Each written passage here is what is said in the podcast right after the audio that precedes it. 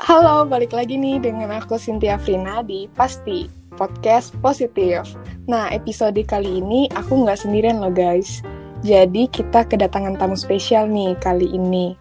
Ada tiga kakak-kakak cantik nih yang bakal sharing informasi dan juga opini mereka terkait dengan topik kita kali ini. Nah, topik kita kali ini yaitu media sosial dan penyebaran hoax di masa pandemi COVID-19 ini. Wow, cukup menarik ya. Oke, seperti yang kita tahu, COVID-19 itu sekarang menjadi musuh kita bersama. COVID-19 atau yang dikenal dengan virus corona sudah menjadi fenomena dunia yang menimbulkan kekhawatiran nih bagi banyak orang. Jumlah pasien yang terinfeksi juga terus bertambah. Bukan hanya di negara lain loh, di Indonesia pun terus mengalami peningkatan.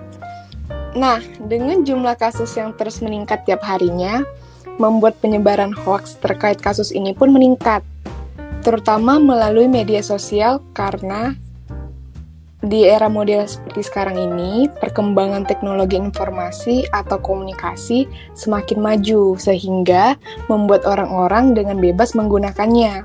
Tetapi, di sini yang menjadi kesalahan, banyak orang yang memanfaatkan media sosial ini sebagai alat untuk melakukan hal yang negatif.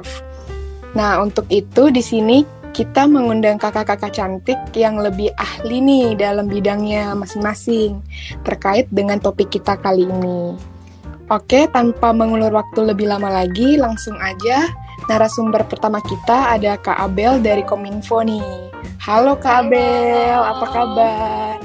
Baik. Baik ya pastinya ya. Sehat. Oke nih Kak Abel, aku mau nanya-nanya dong, boleh ya? Boleh dong. Lumayan banyak nih, tapi nggak apa-apa lah ya, kita ngobrol santai aja di sini. Iya. Oke Kak Abel, mau nanya dong nih buat Kak Abel. Eh, udah ada berapa sih kasus hoax terkait wabah virus corona ini per tanggal 29 Mei 2020? Untuk sampai saat ini, kami Kominfo telah mengonfirmasi adanya 554 berita palsu atau hoax terkait wabah virus corona ini. 554 isu hoax tersebut tersebar di 1209 platform baik di Facebook, Instagram, Twitter maupun YouTube. Wow, lumayan banyak ya Kak Abel ya. Oke, selanjutnya nih, mau nanya lagi, Kak Abel, gimana sih cara ngatasin dan menindaklanjutin oknum-oknum yang nggak bertanggung jawab yang menyebarkan hoax COVID-19? Eh, sampai saat ini sebanyak 983 kasus hoax di antaranya telah kami tindak lanjuti sih dengan pemblokiran terdiri dari 681 kasus di Facebook, 4 di Instagram, 204 di Twitter, dan 4 di YouTube. Dan yang akan ditindaklanjuti juga sebanyak 316 terdiri dari 162 di, di Facebook, 6 di Instagram, 146 di Twitter, dan 2 di YouTube. Kami juga bekerja sama dengan pihak kepolisian agar turut menangani kasus hoax COVID-19 ini yang tersebar luas di Indonesia. Karena sampai saat ini Polri telah menetapkan 89 tersangka dengan rincian 14 tahanan dan 75 diproses gitu. Oke, Kak Abel. Ini selanjutnya nih, mau nanya, ada nggak sih pihak lain yang turut bergabung dalam pencegahan hoax tentang COVID-19 selain pihak kepolisian? Di sini kami juga menggandeng layanan media sosial yang jadi saluran penyebaran hoax agar turut aktif mengawasi konten-konten yang beredar. Kami mengajak dan meminta platform digital aktif melakukan takedown karena kami tentu akan mengacu kepada UU ITE dan UU terkait lainnya kepada semua yang menyelenggarakan kegiatan di ruang digital bahwa kami akan menggunakan kewenangan apabila hoax tetap dibiarkan ada di platform digital. Oke, baik. Selanjutnya nih, apakah penyebaran hoax mengenai COVID-19 ini merupakan tindakan pidana? Kalau iya, apa sanksinya? Oh jelas merupakan tindakan pidana, pasti dong. Karena uh, kami di sini ingin menegaskan sekali lagi bahwa memproduksi serta menyebarkan hoax merupakan tindakan melawan hukum dan pelaku penyebaran hoax bisa dikenakan sanksi pidana loh dengan ancaman hingga enam tahun penjara uh, dan denda sampai dengan satu miliar rupiah. Wow, gila. Oke, selanjutnya nih Kak Abel, apa saja sih hoax-hoax yang tersebar di Indonesia yang ternyata faktanya itu tidak benar? Oh banyak banget se semenjak adanya COVID-19 ini kita denger banyak banget kan hoax-hoax. Uh, jadi ada yang bilang katanya mandi dengan air panas bisa menangkal virus corona, padahal faktanya mandi air panas tidak akan bisa melindungi diri dari virus corona. Tidak ada penelitian yang bisa membuktikan kalau virus corona pasti mati kena air panas. Jadi yang terjadi adalah malah berendam di dalam air panas terlalu yang terlalu panas justru dapat membahayakan diri sendiri. Uh, saya juga bingung sih dari mana orang bisa menyimpulkan sendiri kalau mandi air panas dapat menang menangkal virus corona. Terus ada juga yang mengatakan bahwa metode tes virus corona bisa dilakukan oleh setiap individu. Uh, caranya dengan mengambil napas dan menahannya selama 10 detik.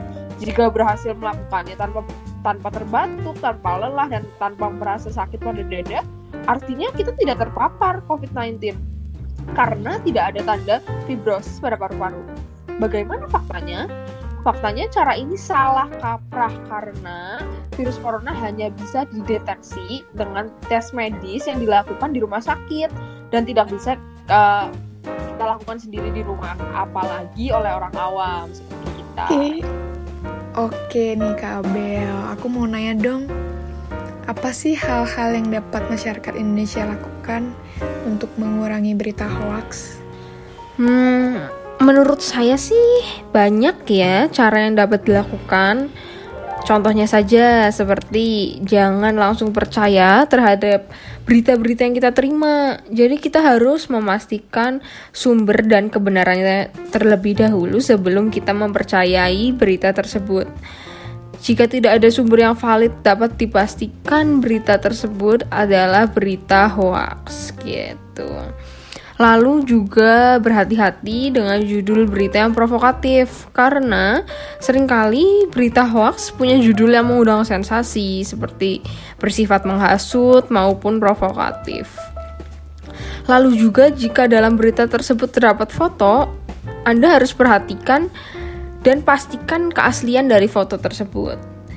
Yang tidak kalah penting uh, juga segera adukan kepada kami pihak Kominfo jika kalian menemukan berita hoax yang tidak valid sumbernya gitu sih. Menurut Kak Abel nih, apa sih kecemasan terbesar dari pihak Kominfo sendiri terkait dengan kasus ini? Hmm, mungkin untuk saat ini kecemasan terbesar yang dirasakan oleh tim kami, tim Kominfo adalah masih banyak masyarakat Indonesia yang kurang cerdas dalam memilah-milah berita. Masih sangat banyak masyarakat Indonesia yang menelan mentah-mentah semua berita yang diterimanya. Padahal sangat banyak juga berita yang tersebar di luar sana yang tidak memiliki sumber yang valid dan terpercaya jadi sumber sumber beritanya itu nggak jelas nggak terpercaya nggak ada sumber-sumber yang valid gitu. Jadi itu sih kecemasan kami. Uh, kecemasan kami juga adalah jika masa masyarakat masih percaya akan berita hoax hoax yang tidak jelas tersebut. Contohnya saja seperti tes air liur untuk untuk mendeteksi corona. Padahal pengetesan virus corona tidak dapat dilakukan hanya dengan melakukan tes lewat air liur. Hoax-hoax seperti itu yang sangat kami cemaskan jika dipercaya oleh banyak masyarakat Indonesia sih. Oh iya Kak Abel, dengar-dengar Kominfo bekerja sama dengan kantor staf kepresidenan membuat aplikasi bernama 10 Rumah Aman ya? Benar nggak sih? Iya, betul banget. Kami bersama kantor staf kepresidenan, kami meluncurkan ber aplikasi bernama 10 Rumah Aman, yang di mana aplikasi 10 Rumah Aman berisi tentang apa saja sih yang masyarakat Indonesia dapat lakukan ketika di, sedang berada di rumah saja, serta berbagai informasi yang sah tentunya tentang COVID-19 agar masyarakat Indonesia tidak merasa resah karena uh, hoax-hoax tentang COVID-19 berkembang cukup pesat. Aplikasi tersebut dapat diunduh secara gratis di Play Store. Dalam aplikasi tersebut juga terdapat informasi tentang aktivitas yang bisa dilakukan saat physical distancing. Lewat aplikasi itu uh, dapat dipantau juga daerah mana yang berpotensi jadi tempat penyebaran virus corona ini. Pemetaan daerah itu berdasarkan pada hasil pemeriksaan suhu tubuh. Kami membuat aplikasi tersebut sebagai upaya kami dalam pencegahan penyebaran hoaks tentang virus corona agar tidak semakin meluas. Kak Abel, kalau mesin pintar akses untuk bangsa itu apa sih Kak Abel? Oh, kalau itu jadi di sini kami juga meluncurkan 1000 mesin pintar dengan memanfaatkan teknologi digital Internet of Things uh, untuk mendukung upaya pemerintah dan masyarakat dalam menghadapi pandemi COVID-19 ini.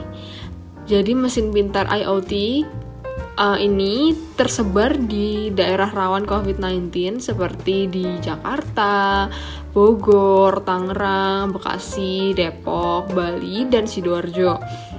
Mesin pintar akses untuk bangsa ini juga berfungsi untuk mempercepat penyampaian informasi yang benar dan valid tentunya dari pemerintah mengenai COVID-19 dan bagaimana mengatasi penyebarannya. Inisiasi mesin pintar akses untuk bangsa ini juga didukung oleh komunitas dunia teknologi digital yaitu DAV, Priksa, serta dari sektor retail seperti Alfamart dan Alfamidi. Selain itu, uh, ini juga didukung konten kalau kolaborator dari anak negeri WIR Group, Disrupto dan Kennedy Voice Berliner gitu. Pokoknya bagus deh dan lengkap. Baik, Kak Abel, luar biasa ya. Oke, ini yang terakhir nih Kak Abel, apa nih pesan yang ingin disampaikan dari Kominfo sendiri kepada seluruh masyarakat di Indonesia yang mendengarkan podcast ini? Uh, kalau dari kami, sangat besar harap kami kepada seluruh masyarakat Indonesia agar dapat menyadari bahwa sekarang saatnya membatasi diri dengan uh, dan menggunakan smartphone dengan kecerdasan penggunaan yang, yang yang baik karena tiap orang bertanggung jawab mencegah penyebaran hoaks. Mari bantu pemerintah dengan cara tidak menyebarkan hoaks, hoaks-hoaks tidak bertanggung jawab dan tidak bersumber. Ayo bersama-sama kita perangi pandemi virus corona ini agar Indonesia dapat kembali normal, aman, dan tentram seperti dulu. Oke, luar biasa Kak Abel. Terima Thank kasih you. untuk sharingnya. Oke, selanjutnya ini ada narasumber kita yang kedua. Ada dari ada dengan Castella dari Ikatan Psikolog Klinis Indonesia. Halo Castella, apa kabar? Halo, baik. Oke Castella, di sini sama aku juga mau nanya-nanya nih. Boleh ya, Kak? Boleh banget. Oke, jadi langsung aja tanpa berlama-lama lagi. Aku mau nanya dong, Castella. Uh, kenapa sih banyak orang percaya dengan hoax COVID-19? Seperti yang kita tahu, Kemudahan dalam mengakses informasi melalui teknologi ini menjadikan banyak orang cenderung membaca dan menyebarkan informasi yang diterima tanpa mengecek akurasi dari informasi atau berita yang disebarkan. Nah, informasi yang membludak dapat membuat orang kewalahan dalam mengolah informasi tersebut. Yang biasanya terjadi adalah bias konfirmasi, yaitu sebuah fenomena di mana para pembaca cenderung memilih informasi sesuai dengan keyakinannya. Misalnya, ada beberapa informasi mengenai cara-cara tertentu yang dapat menangkal COVID-19. Maka, seseorang akan lebih percaya pada informasi yang menguatkan keyakinannya. Padahal, informasi tersebut yang beredar di internet belum pasti kebenarannya.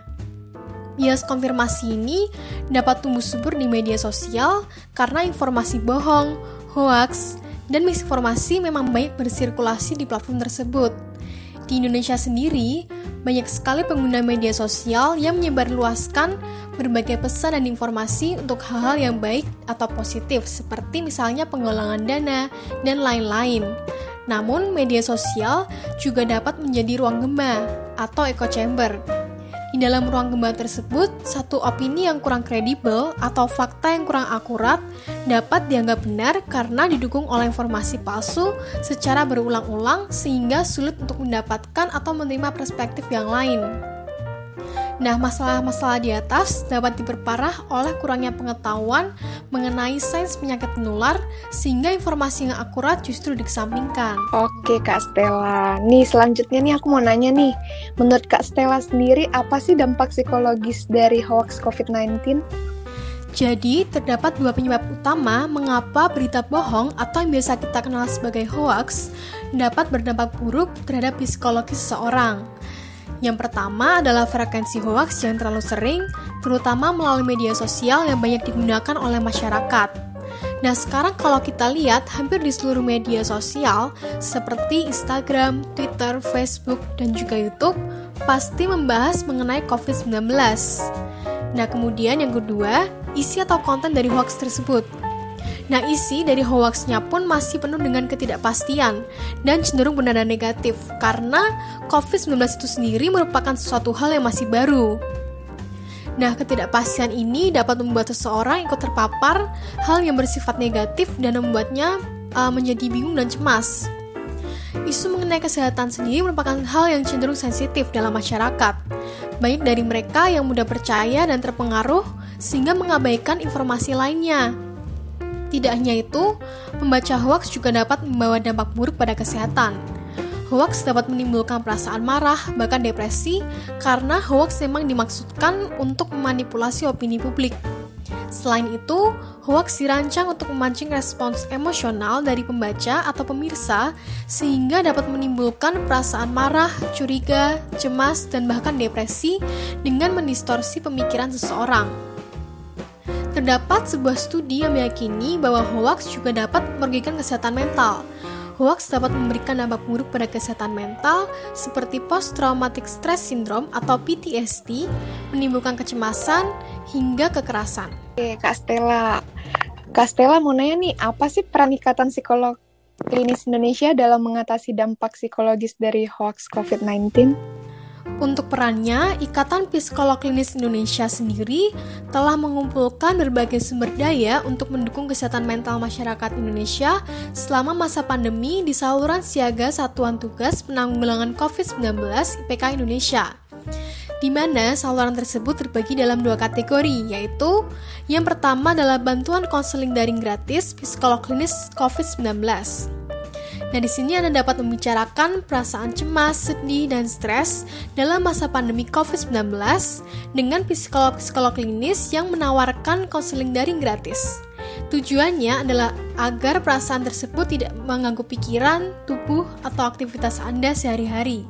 Konseling daring ini tidak dibatasi wilayah, sehingga Anda dapat memilih psikolog yang sesuai dengan wilayah Anda, dan tentunya mereka akan lebih mengenal budaya dan bahasa daerah Anda. Kemudian yang kedua adalah psikoedukasi COVID-19. Di sini, anggota psikolog klinis dari berbagai wilayah akan memberikan berbagai informasi psikoedukasi maupun materi untuk psikoterapi secara mandiri dalam rangka memberikan dukungan psikologis pada masyarakat Indonesia yang sedang menghadapi wabah pandemi COVID-19. Oke, Kak Stella. Ini yang terakhir nih untuk Kak Stella. Ada nggak sih Kak Stella cara atau tips untuk mengurangi kecemasan di masa pandemi COVID-19? Baik, jadi terdapat tiga tips yang dapat mengurangi kecemasan dalam menyikapi kondisi COVID-19, yaitu yang pertama, memilih dan membatasi waktu yang Anda habiskan setiap hari untuk membaca atau menonton berita terkini mengenai COVID-19. Nah, mengapa? Karena Mendengar atau melihat liputan mengenai COVID-19 secara terus-menerus dapat membuat Anda merasa lebih cemas dan sedih. Dan jangan lupa untuk memilih berita hanya dari sumber yang terpercaya untuk menghindari hoaks. Kemudian yang kedua, sangat penting untuk menghabiskan waktu dengan melakukan hal yang Anda sukai dan membuat diri merasa rileks. Yang ketiga adalah membicarakan perasaan Anda dengan orang-orang terdekat karena membicarakan perasaan Anda dengan orang lain dapat mengurangi keresahan yang dirasakan. Oke Kak Stella, aku mau nanya dong. Mengapa banyak orang tidak mampu melindungi diri dari kebohongan dan kekeliruan informasi serta bagaimana cara menghentikan penyebaran kebohongan dan kekeliruan informasi itu sendiri nih Kak Stella? Nah, terdapat beberapa alasan mengapa banyak orang yang tidak mampu melindungi dirinya sendiri dari kebohongan dan kekeliruan informasi.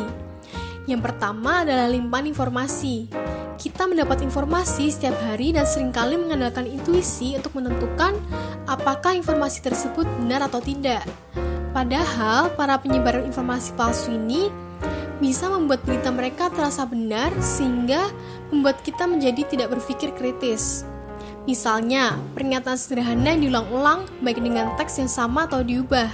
itu dapat meningkatkan kebenaran melalui perasaan akrab terhadap informasi tersebut. Kemudian yang terjadi adalah kita keliru menganggapnya sebagai sebuah kebenaran faktual. Yang kedua, membagikan sebelum berpikir. Kita sering melihat banyak orang yang membagikan unggahan tanpa memikirkan akurasinya. Nah, mengapa? Karena mereka lebih memikirkan kemungkinan unggahan mereka akan mendapatkan like atau retweet dari orang lain. Kemudian yang ketiga, mengabaikan respon. Sebuah riset psikologi klasik menunjukkan bahwa beberapa orang yang mengabaikan respons dalam mereka biasanya lebih mudah termakan hoaks. Nah, orang yang tidak menggunakan akal ini biasanya disebut oleh psikolog sebagai kikir kognitif, karena mereka memiliki akal tetapi tidak banyak menggunakannya. Kikir kognitif ini membuat kita menjadi lebih mudah mengalami bias kognitif, dan hal tersebut mengubah cara kita dalam mengonsumsi sebuah informasi. Untuk bagaimana cara menghentikan penyebaran kebohongan dan kekeliruan informasi itu sendiri, kita membutuhkan komunikasi dan strategi yang efektif untuk mengarah kepada orang-orang yang tidak ingin berpikir panjang. Salah satu caranya adalah fakta harus disajikan sesederhana mungkin dengan bantuan gambar dan grafis yang membuat ide lebih mudah divisualisasi. Nah, kemudian terkait perilaku dengan media sosial, kita mungkin perlu mencoba untuk tidak terlibat secara emosional dengan unggahan yang kita lihat. Selain itu, kita mau berpikir mengenai fakta di balik unggahan tersebut sebelum ikut membagikannya. Misalnya, apakah unggahan tersebut memiliki dasar ilmiahnya atau bisakah kita menemukan sumber awal dari unggahan tersebut dan lain sebagainya. Kak Stella, terakhir nih, apa pesan yang ingin disampaikan dari Ikatan Psikolog Klinis Indonesia kepada seluruh masyarakat di Indonesia yang mendengarkan podcast ini nih Kak Stella? Kami sebagai psikolog percaya bahwa orang yang terpapar berita hoax juga membutuhkan terapi karena mereka diselimuti oleh kecemasan, stres, dan merasa kesepian karena berita palsu. Berita palsu sendiri dapat memanfaatkan kelompok orang-orang yang merasa takut dan mengambil keuntungan dari ketakutan tersebut. Nah, saya menyarankan untuk tidak menyepelekan dampak buruk dari hoaks pada kesehatan mental karena dampaknya dapat berlangsung dalam jangka waktu yang cukup panjang. Oleh karena itu, kita dapat lebih berhati-hati lagi dalam menyebarkan berita karena kalau berita tersebut belum dinyatakan valid, justru dapat berdampak buruk bagi diri sendiri maupun orang lain. Oke, luar biasa Castella, informasi yang sangat berguna ya buat kita. Oke, makasih Castella untuk sharingnya. Oke, selanjutnya ada narasumber kita nih yang ketiga. Dia adalah seorang influencer Indonesia yang cukup terkenal loh guys. Langsung aja nih Kak Naura. Halo Kak Naura. Apa kabar Halo. nih Kak? Baik. Ini salah satu narasumber yang paling ditunggu-tunggu nih guys. Oke Kak Naura boleh ya ditanya-tanya juga. Ini boleh banget. Oke langsung aja nih Kak Naura. Eh, sekarang kesibukan kakak apa aja nih selama stay at home? Masih ngambil kerjaan di luar kah atau benar-benar stay at home banget nih? Hmm, kesibukan aku sih ya kayak gini-gini aja ya, buat konten, untuk menghibur-hibur followers aku yang di rumah gitu, biar makin betah aja gitu di rumah nggak keluar-keluar. Terus untuk kerjaan di luar sih aku nggak pernah ngambil ya, cuman eh, karena untuk endorse, jadi aku mungkin ganti suasana aja, kayak aku pergi keluar rumah, keluar rumahnya juga paling di teras-teras aja gitu. Oke, Kak Naura. Nih, Kak Naura, kan sekarang Ya. banyak banget ya berita hoax saat pandemi kayak gini. Gimana sih cara kakak Mm. buat ngelawan berita hoax itu? Eh, untuk lawan hoax itu menurut aku saran yang pertama sih ya jangan kemakan sama judul beritanya yang clickbait itu ya. Jadi kita tuh harus baca dengan teliti gitu isinya. Karena biasanya isi sama judulnya itu nggak sinkron gitu. Banyak yang eh, judulnya apa isinya apa kayak gitu. Terus yang kedua lihat sumber beritanya. Kalau sumber beritanya itu dari situs yang abal-abal kayak WordPress atau eh, yang lain-lainnya gitu jangan percaya. Jadi kita harus nyari data yang benar-benar resmi. Misalkan kayak dari berita CNN atau berita liputan dari Kompas kayak gitu. Nah eh, yang ketiga mungkin kita uh, cek kasihan foto. Kalau misalkan di berita itu ada foto atau video gitu kita lihat nih. Karena kan zaman sekarang uh, udah itu ya udah keren gitu kan uh, buat ngedit-ngedit gitu. Udah canggih lah alatnya kita harus teliti tuh kelihatannya habis itu mungkin yang ke yang terakhir nih mungkin share eh, kita saring dulu sebelum kita sharing. Jadi misalkan kita nemu berita dari uh, uh, grup WhatsApp. Kayak contoh waktu itu beberapa hari yang lalu ada berita tentang Mama Dedeh meninggal di grup WhatsApp. Nah, itu menurut aku harusnya uh, para orang-orang yang menerima berita itu tuh dicari dulu beritanya lewat media lain, jangan langsung termakan uh, beritanya itu gitu Oke, sih. Oke, bener banget nih Kanora, setuju banget. Oke, lanjut aja ya Kanora ya. Ini, Iya, lanjut menurut aja. kakak gimana sih cara influencer untuk tidak menyebarkan berita hoax kepada para followersnya kan influencer nih kayak kakak nih ya kan banyak ya pasti followersnya nah gimana tuh kak kalau boleh tahu Untuk influencer sendiri itu dalam mengatasi penyebaran hoax itu mungkin bisa dengan stop sharing tentang masalah uh, COVID ini ya. Seperti misalkan kita uh, cara waktu itu kan ada beberapa influencer yang membuat cara uh, pembuatan hand, sa- hand sanitizer kan. Ternyata itu salah atau kayak uh, ya segala macam tentang berbau hal berbau hal tentang COVID ini. Uh, nah, terus harusnya tuh kita tuh ngebuat uh, masyarakat itu terhibur gitu. Mungkin dengan cara uh, buat TikTok, buat make up, buat challenge-challenge ya sesuai dengan kebutuhan kita aja, sesuai dengan uh, bakat kita aja gitu. Boleh sih, sebenarnya boleh buat tentang corona, tapi kita tuh harus ngerti banget gitu loh, gimana sih uh, cara yang benar buat hand sanitizernya, terus gimana sih cara mengatasinya, atau gimana cara membuat segala macam yang berbahol untuk menghindari corona kayak gitu sih. Tapi kalau uh, untuk aku sendiri sih ya buat ngelawan hoax itu mungkin dengan sharing-sharing akun receh gitu, terus sering live Instagram ataupun streaming YouTube gitu bareng followers-followers buat uh, konten challenge atau buat uh, buat konten challenge bareng teman-teman teman-temannya maksudnya bukan teman-teman dari jauh ke rumah gitu ya tapi teman-teman bisa lewat virtual kan. Terus mungkin uh, sama saudara terus buat TikTok juga mungkin joget-joget. Uh, dan kalau misalkan live paling uh, kayak ngasih tahu sih teman-teman kayak buat stay at uh, stay at home aja terus buat semangat di rumah selalu produktif jangan males-malesan terus jaga kesehatannya dan yang yang paling utama jangan kemakan berita hoax gitu sih Kak Naura, aku mau nanya dong. Kalau kakak sendiri itu pernah nggak sih ngalamin kena berita hoax gitu? Sampai kayak bener-bener takut gitu karena berita itu.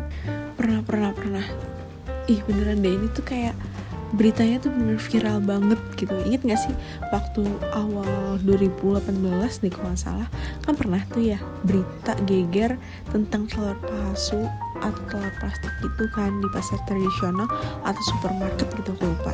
Nah terus itu tuh banyak yang bilang kan diproduksi sama Cina ya. Dan beritanya tuh bener-bener heboh banget kan. Terus proses pembuatannya itu diupload ke uh, YouTube sama medsos gitu. Dan jadi makin makin gencar kan tuh uh, bikin kita tuh jadi makin tambah parno gitu kan untuk beli telurnya. Nah pas aku dengar berita itu wah aku bingung banget di situ. Soalnya kayak gimana ya aku tuh suka banget ya sama telur. Aku bener pecinta telur banget nih. Nah jadi eh, pas tahu telurnya kayak gitu aku mikir duh gimana caranya aku beli telur tapi telurnya itu asli gitu kan. Nah lagi juga kan telurnya itu telur itu kan jadi salah satu makanan sumber energi paling banyak dikonsumsi oleh masyarakat Indonesia kan. Terus jadi ngerugiin beberapa pihak kayak misalkan ngerugiin peternak ayam telur atau penjual telur gitu kan. Jadi kasihan penurunan eh, pembeli penurunan penghasilan mereka berkurang karena uh, masalah berita ini. Dan jadi aku bener-bener kayak bingung gitu harus gimana sih milih telur biar nggak kena tipu? Nah, aku kan punya toko langganan telur ya tapi gimana ya kayak tetap aja gitu loh. Aku tuh takut kayak takut ternyata pem, uh, penjualnya ini nggak tahu kalau ternyata dia tuh ngejual telur yang palsu kayak gitu loh. Tapi gimana ya ya pokoknya aku takut banget gitu. Terus setiap aku beli nih ke toko langganan aku aku selalu ambil telurnya terus aku ketok-ketok dulu. Aku tuh kayak ini beneran plastik atau bukan sih. Padahal itu tuh toko langganan aku gitu. Toko langganan di mana itu tuh pasti udah terpercaya banget kan bagi aku. Tapi tetap aja karena ya kita kan nggak tahu ya orang-orang gimana kan. Karena ada karena ada uh, berita ini gitu. Terus akhirnya sampai waktu itu pernah toko aku tuh tutup. Tutup terus aku bener-bener bingung karena stok telur aku tuh habis. Aku mikir udah nanti aja deh aku beli. Tapi setelah seminggu itu telur tokonya itu nggak buka-buka. Wah paniknya nggak ketolongan akhirnya aku ke uh, toko lain ke supermarket gitu kalau salah aku lupa terus pas di situ sama aku tetap kayak ngebuka eh ngambil telur terus aku ketok-ketok gitu telurnya.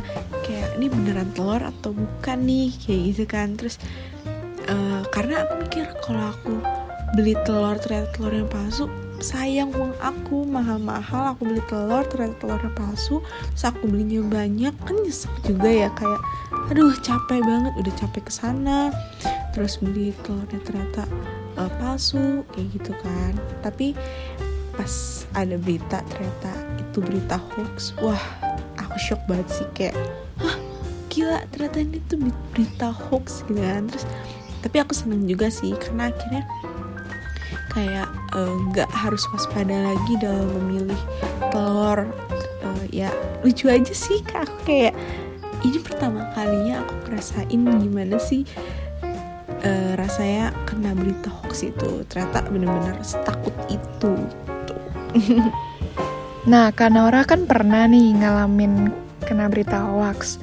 Nah setelah kakak ngalamin itu semua saran kakak kepada pendengar podcast kita nih apa nih kak? Jadi saran saya kepada uh, pendengar podcast ini mungkin kita bisa uh, melihat berita itu dengan yang receh-receh dengan yang lucu-lucu yang buat kita tuh terhibur gitu kalau misalkan untuk mencari berita tentang COVID-19 ini mungkin lebih ke arah situs resminya atau kita misalkan bisa nonton televisi yang terpercaya menurut kita kayak misalkan Kompas, Metro TV, TV One, CNN seperti itu. Nah, karena kita di rumah aja nih, jadi kita tetap harus semangat ya, maksudnya jangan karena kita di rumah terus terus kalian bosan akhirnya kalian main kayak gitu. Jadi benar kita harus stay at home. Kita bantulah tenaga medis kita dengan kita uh, stay at home. Kalau misalkan keluar tetap harus gunakan masker. Terus kalau misalkan pengen beli sesuatu kan bisa gojek bisa uh, gofood. Sekalian kita ngebantu para uh, ojol-ojol yang gak bisa nampung penumpang kayak gitu. Terus uh, tetap selalu cuci tangan. Mau mau kalian di rumah pun harus tetap cuci tangan biar uh, bersih dari kuman-kuman. Walaupun kan kita juga nggak tahu kan kalau misalkan tiba-tiba ternyata ada kuman di rumah kita entah itu kuman tentang covid atau kuman apa pun pasti kan setiap kegiatan yang kita lakukan pasti ada kumannya. Terus apa lagi ya? Udah sih menurut saya itu aja saran saya kepada eh, teman-teman tetap semangat dan jaga kesehatannya thank you Oke, terima kasih banyak Kak Naura untuk sharingnya, iya. sangat membantu nih. Oke nih teman-teman, barusan kita udah dengerin nih sharing dari kakak-kakak cantik terkait topik kita kali ini, yaitu media sosial dan penyebaran hoax di masa pandemi COVID-19 ini. Nah, jadi kesimpulan yang dapat kita ambil dari podcast episode kali ini adalah kita sebagai masyarakat Indonesia yang baik harusnya dapat dengan bijak menanggapi isu-isu terkait COVID-19 di masa pandemi seperti sekarang ini. Karena seperti yang sudah di-sharing oleh Kak Abel dari Kominfo, bahwa kasus hoaks yang terjadi di Indonesia ini sudah mencapai angka ratusan kasus nih teman-teman. Nah, ini tidak boleh dianggap enteng. Karena kasus hoaks termasuk tindakan pidana nih teman-teman. Dan yang pastinya memiliki sanksi yang berat loh. Jadi jangan main-main ya teman-teman. Nah, selain merupakan tindakan pidana, ternyata hoax ini bisa berdampak buruk juga loh terhadap psikologi seseorang. Apalagi terkait dengan isu kesehatan. Karena menurut Kak Stella nih dari psikolog klinis Indonesia, isu kesehatan menjadi hal yang sensitif bagi masyarakat. Nah, inget nih teman-teman, sensitif. Nah, teman-teman, di masa pandemi seperti sekarang ini juga ternyata memberikan pengaruh loh dalam kehidupan seseorang. Terutama dalam hal pekerjaan. Nih, banyak orang yang terpaksa harus tetap stay at home sambil tetap kerja nih teman-teman.